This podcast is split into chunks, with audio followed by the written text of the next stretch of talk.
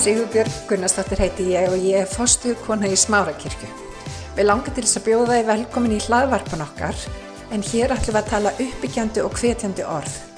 Ég vona svo sannlega að þetta blessi þig og hveti þið áfram til að gera góða hluti í lífinu. Góðan daginn Smárakirkja. Gaman að vera með ykkur í dag. Við langar til þess að lesa nokkur versi í Lúkasi sem við þekkjum mjög svo vel. Og það er svona í Lúkasi 2. En það bar til um þessar myndir að bóð kom frá Ágústus keisara. Að skrásetja skildi alla heimsbyðina. Þetta var fyrsta skrásetningin og var gerð þá er Kýrineus var landstjór á Sýrlandi. Fór þá allir til að láta skrásetja sig hver til sinnar borgar. Þá fór og Jósef úr Galilegu frá borginni Nazaret upp til Jútu til borgar Davíðs sem heiti Betlehem.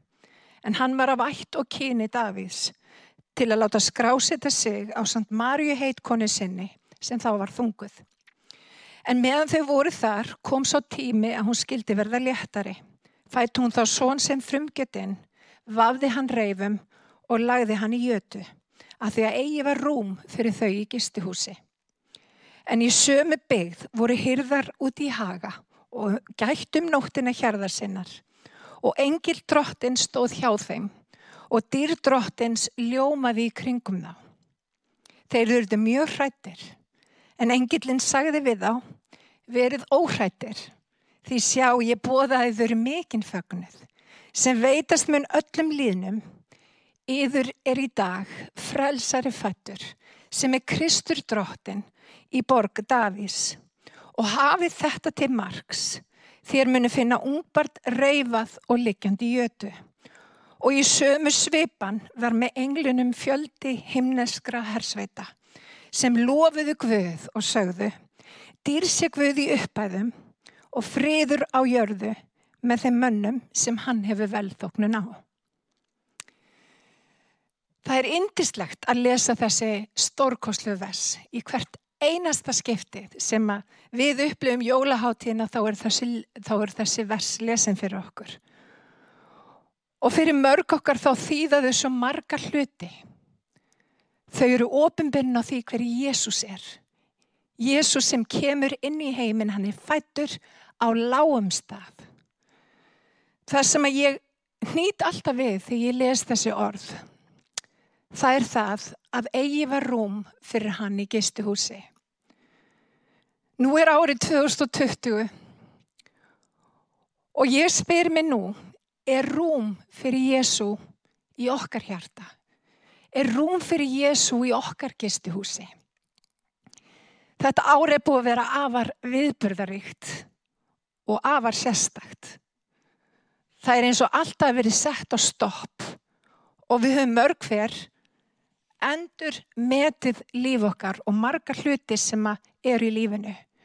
Það sem að margir hafa átt að segja á þessum tímum sem við lifum á er það hvað er mikilvægt að huga að andlegum málum.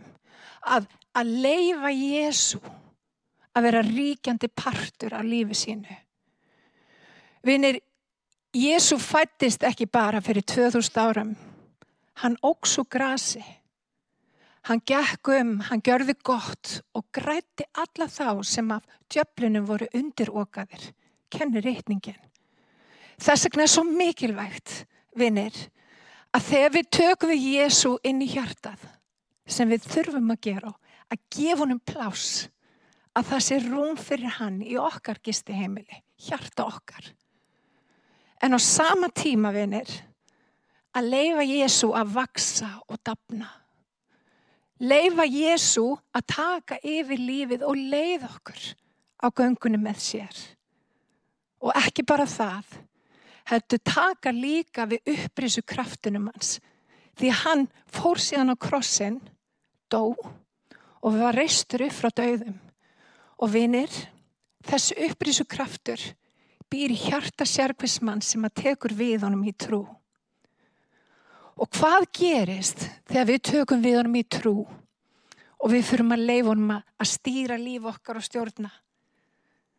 Þá tekur kærleikurinn yfir því að við vitum að Guð er kærleikur. Og bara til þess að átt okkur á hvað er kærleikur, þá vil ég grýpa hérna niður í fyrra konundubrifi 13. kabla í versi fjögur. Kærleikurinn er langlindur. Hann er góðviljaður. Kærleikurinn öfundar ekki. Kærleikurinn er ekki raupsamur. Reykir sér ekki upp. Hann haugðar sér ekki ósæmilega. Leitar ekki síns eigin. Hann reyðist ekki er ekki langrækin. Hann gleðst ekki yfir óréttvísinni en hann samgleðst sannleikanum. Hann breyðir yfir allt, trúir öllu, vonar allt og umber allt. Svo stendur hérna kærleikurinn fellur aldrei úr gildi. Mér langar til þess að koma með áskorun til mín og til okkar allra á þessari jólaháttíð að leifa kærleikunum að taka starra plás í okkar lífi.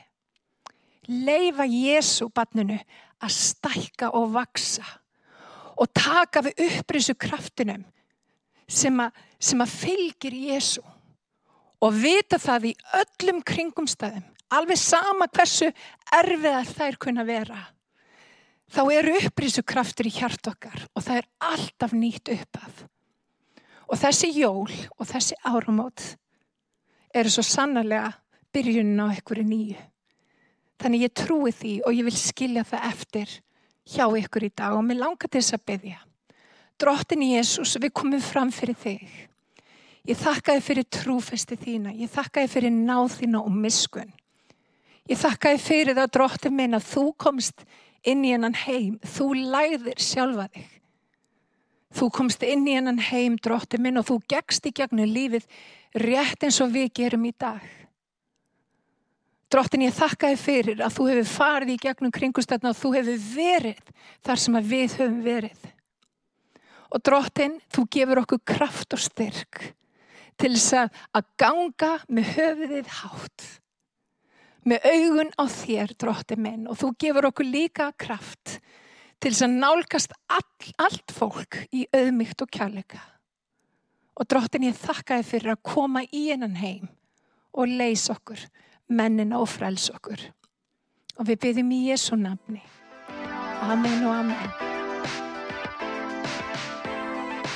Ég hveti til að stilla inn á okkur með reglum hætti því að hér verður alltaf eitthvað nýtt á nálinni. Takk fyrir að hlusta.